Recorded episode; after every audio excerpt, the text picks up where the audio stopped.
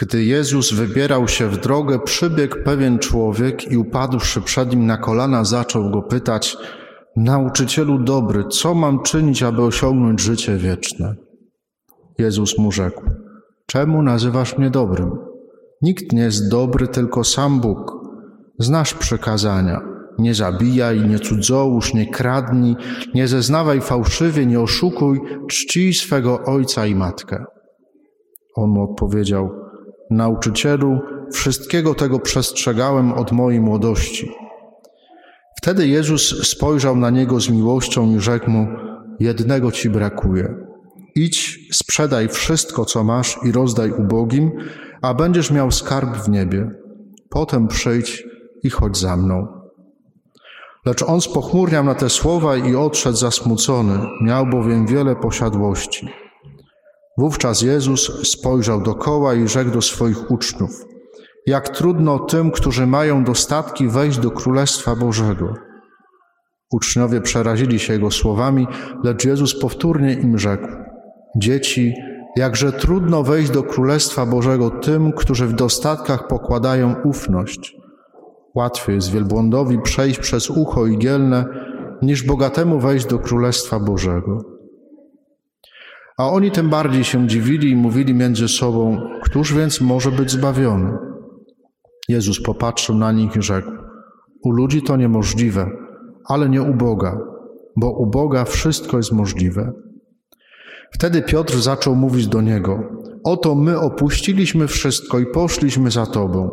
Jezus odpowiedział, zaprawdę powiadam Wam, Nikt nie opuszcza domu, braci, sióstr, matki, ojca, dzieci lub pól z powodu mnie i z powodu Ewangelii, żeby nie otrzymał stokroć więcej teraz w tym czasie domów, braci, sióstr, matek, dzieci i pól wśród prześladowań, a życia wiecznego w czasie przyszłym.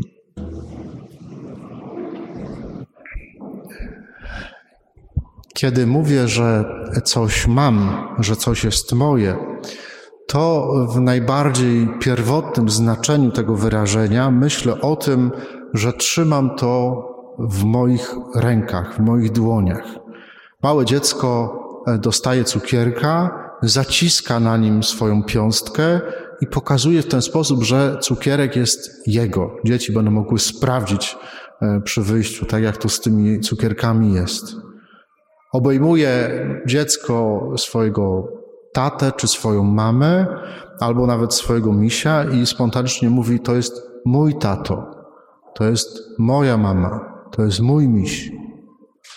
Bo ten gest e, trzymania czegoś w rękach, obejmowania czegoś rękami jest dla nas z jednoznacznym, jednoznaczny z posiadaniem danej rzeczy w jakiś sposób na własność.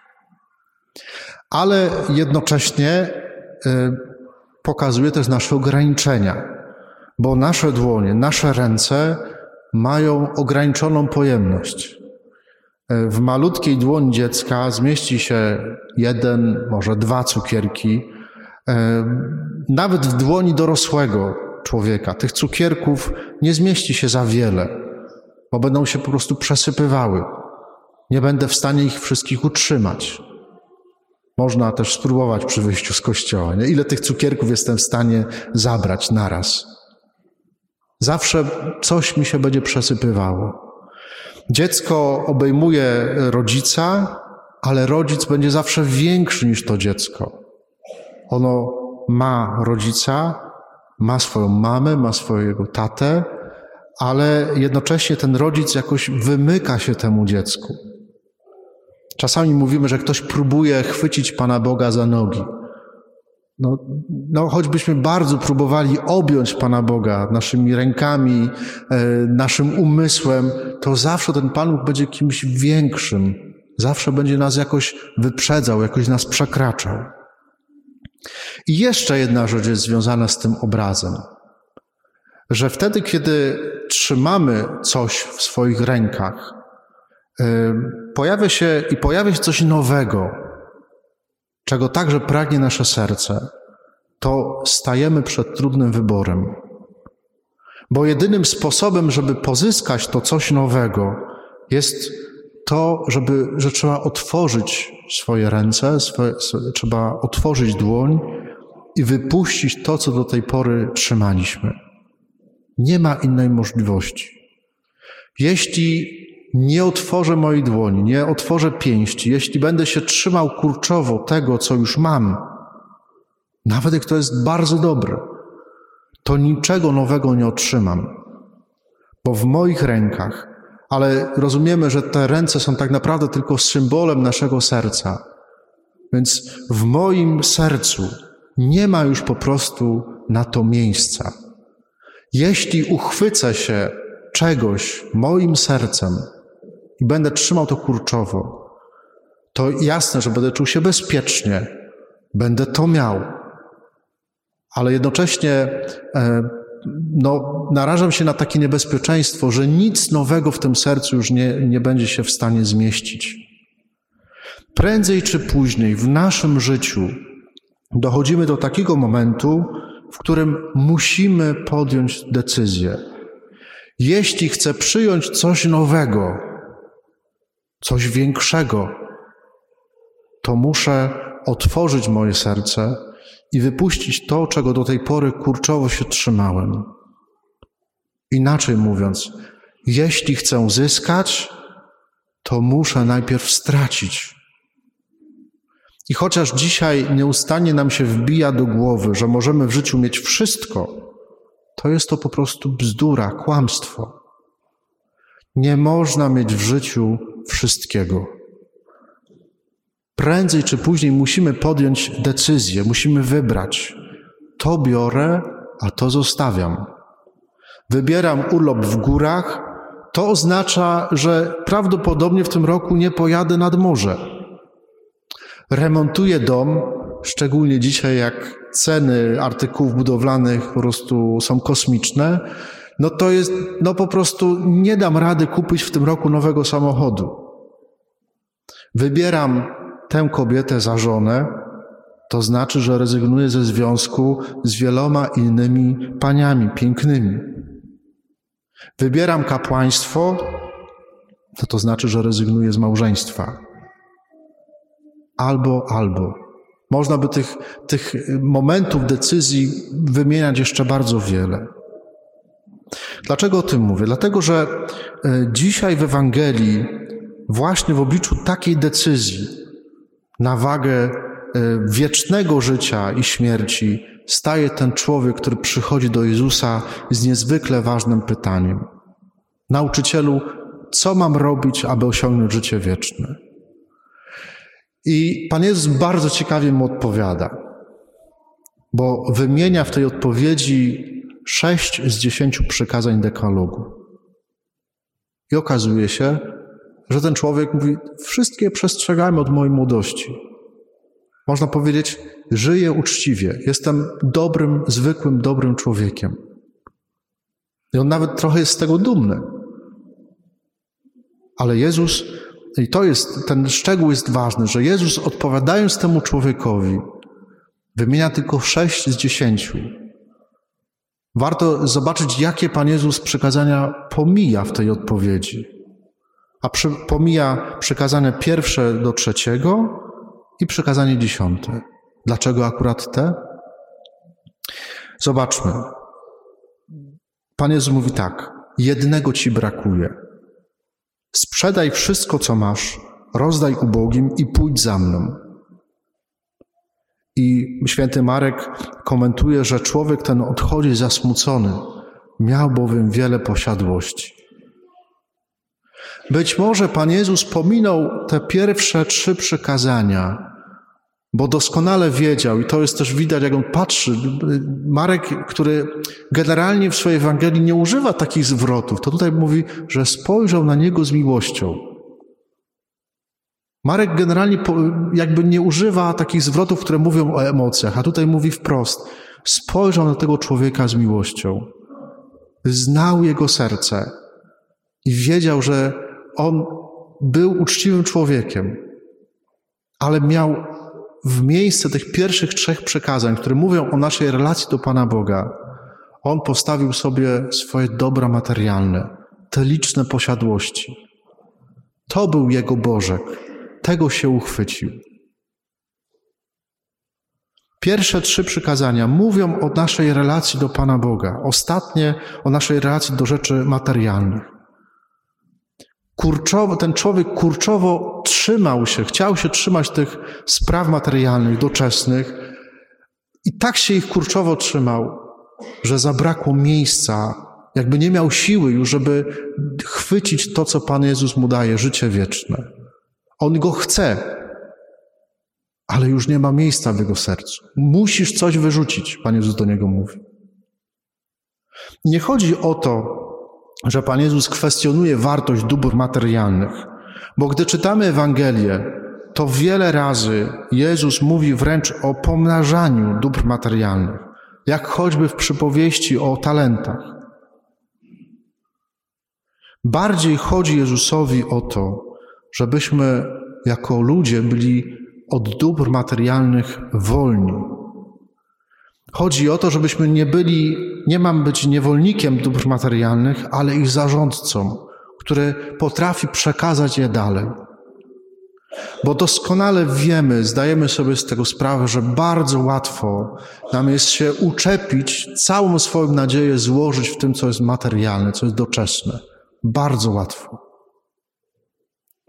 Równie kurczowo i z równie tragicznymi skutkami jak rzeczy materialnych możemy się trzymać rzeczy, które no nie są tak namacalne, niematerialne. Można kurczowo uchwycić się swoich rodziców. Mówimy, że ktoś wprawdzie wszedł w związek małżeński, ale nie odciął pępowiny. Dalej jest uwiązany do swojej mamy, do, swoich, do swojego taty.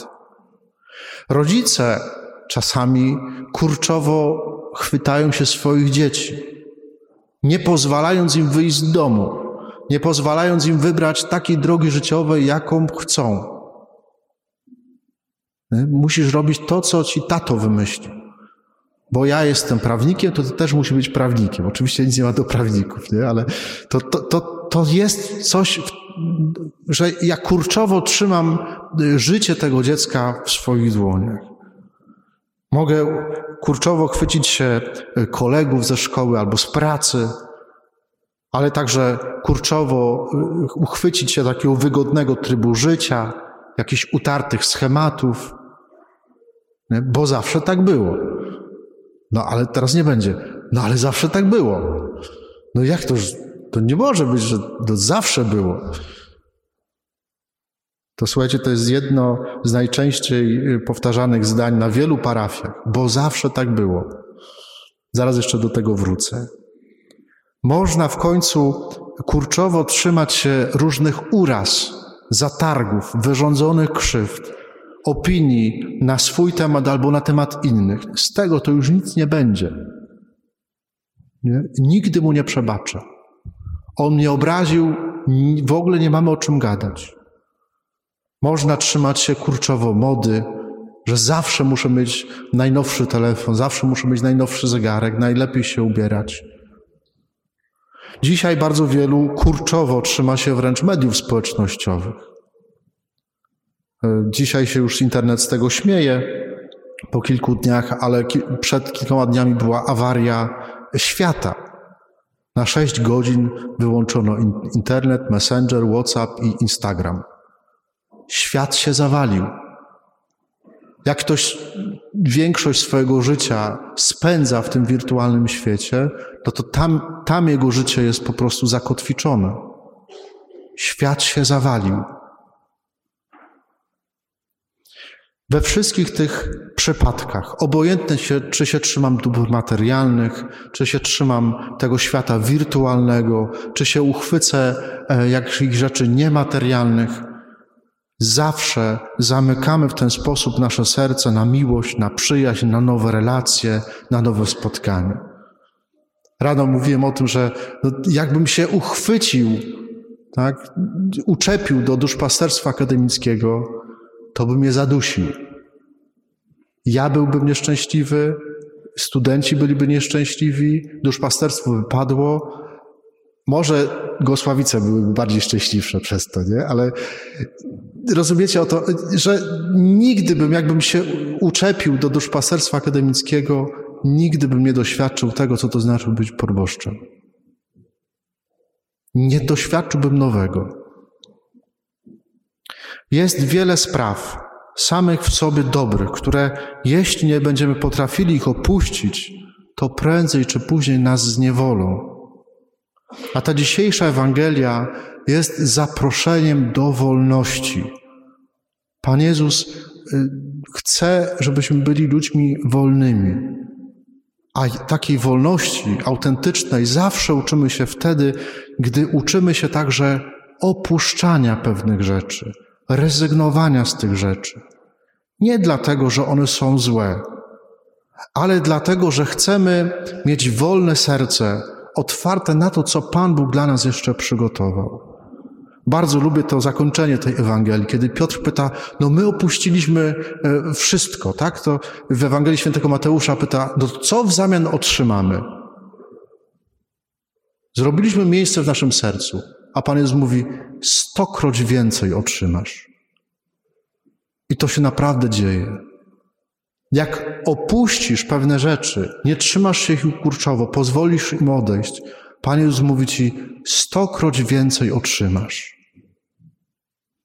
Dwa wnioski, dwie myśli mam związane z tym, co powiedziałem. Pierwsza rzecz, związana z dzisiejszą niedzielą, e, z niedzielą papieską. Zobaczcie, że tak się złożyło w tym roku, że akurat dzisiaj ta niedziela papieska przy, y, przy, y, przypada. Temat wolności to był jeden z głównych tematów pontyfikatu Jana Pawła II. On nas nieustannie wzywał, zapraszał do tego, żeby żyć w sposób wolny, autentycznie wolny, prawdziwie wolny, dobrze rozumianej wolności. Nie wolności tylko od pewnych rzeczy, ale wolności, która nas otwiera na pewne rzeczy, które Bóg dla nas przygotował. To jest pierwsza rzecz. I druga rzecz związana z życiem e, naszym, parafialnym, jako wspólnoty. Świat się zmienił. Także nasza parafia się zmieniła. Ta epidemia, ten czas, e, który żeśmy przeżywamy, mamy nadzieję, że się kończy, powoduje, że to, co było, nasza parafia już nigdy nie będzie wyglądała tak, jak wyglądała przed epidemią. I trzeba to po prostu pozwolić temu odejść. Nie dlatego, że to było złe, tak, że teraz my tutaj ruszymy z posad y, bryłę świata i jakąś nową rzeczywistość zaczniemy. Nie. Tylko być może Pan Bóg nas zaprasza jako wspólnotę parafialną, mówi: Zostawcie to, bo ja chcę przygotować dla Was coś całkowicie nowego. Nie wiem co, ale myślę, że tak jest. Jest trudno zostawić to, co było. Bardzo trudno, bo tam się czujemy bezpiecznie, tam się czujemy wygodnie. Ale tym, co mi osobiście pomaga pewne rzeczy zostawiać, to jest właśnie to zapewnienie Pana Jezusa, który mówi: stokroć więcej otrzymasz. Zostaw tam to, stokroć więcej otrzymasz. Słuchajcie, jak 18 lat jestem księdzem, nigdy się na tych słowach Pana Jezusa nie przejechałem. Amen.